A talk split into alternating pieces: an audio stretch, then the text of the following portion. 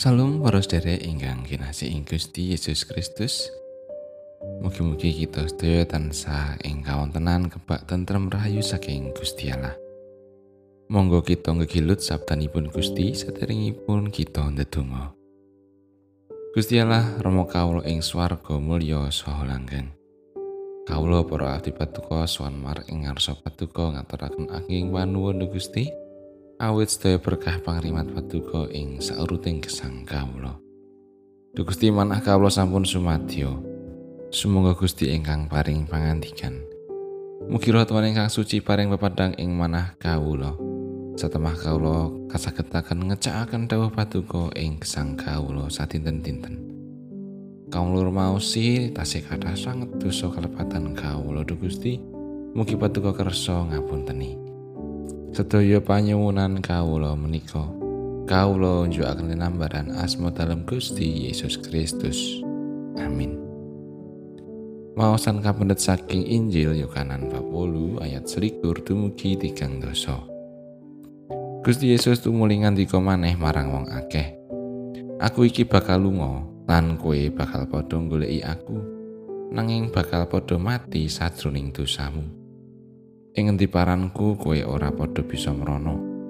Pangucape wong Yahudi. Apa dheweke iku arep ngendet?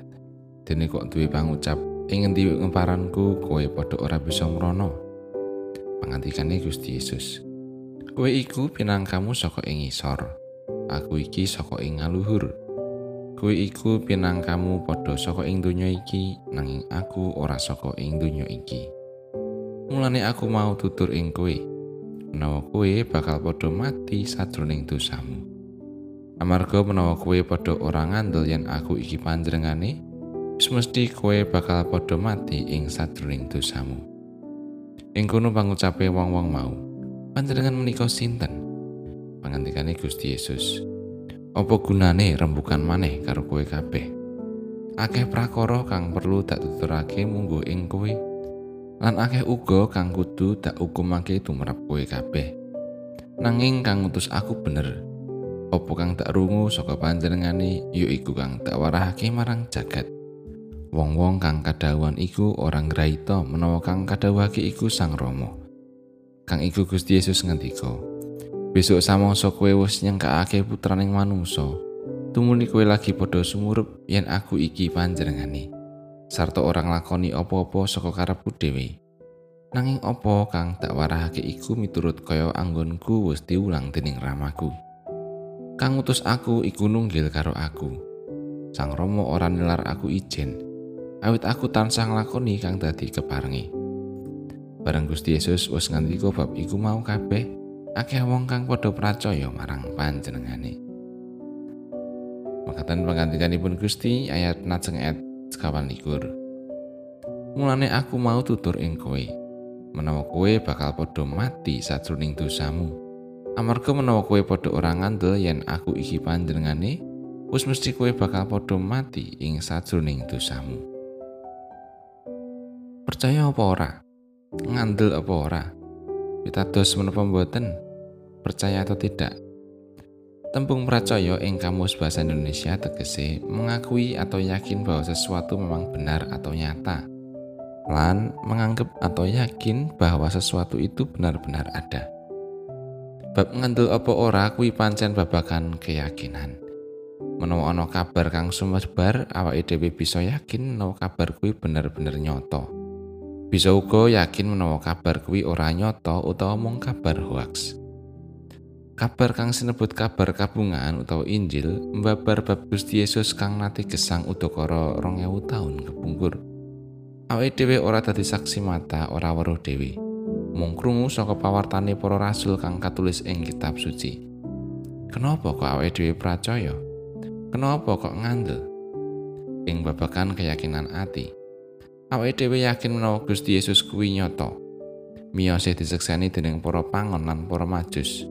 Sedane nalika sinalip disekseni dening wong sak kutha Yerusalem, pancen nyata. Menawa kang disalib kuwi Yesus, dudu wong kang praupane memper Yesus. Wungune saka antarane wong mati disekseni para wong wadon, para prajurit kang jaga kubur. lan ing antarane petang puluh dina ngatingal marang luwih saka 500 dulur-dulur. Sumangkane marang swarga uga disekseni kabeh pandhereke. Kabeh kuwi mau wis luwih dening cukup dadi dasar anggone awake dhewe yakin lan dadi ngandel marang Gusti Yesus kang diwartakake ing kitab suci. Mulane awake dhewe uga ngandel menawa ora percaya ana ing Gusti Yesus ateges awake dhewe bakal tetep mati ing sajroning dosa. Suwalike menawa percaya marang Gusti Yesus, awake dhewe bakal entuk urip langgeng. Mulane ayo aja nganti ora ngandel.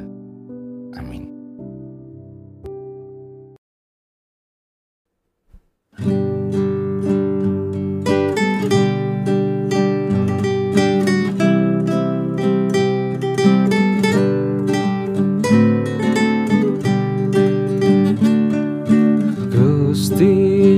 Yesus pangen setyo pindo parang sandoso sedaya ingkang pracaya timen sami ngayomo Gustiku mokoso Yeku pangen kang setyo Gustiku kang kuasa pindo parang santoso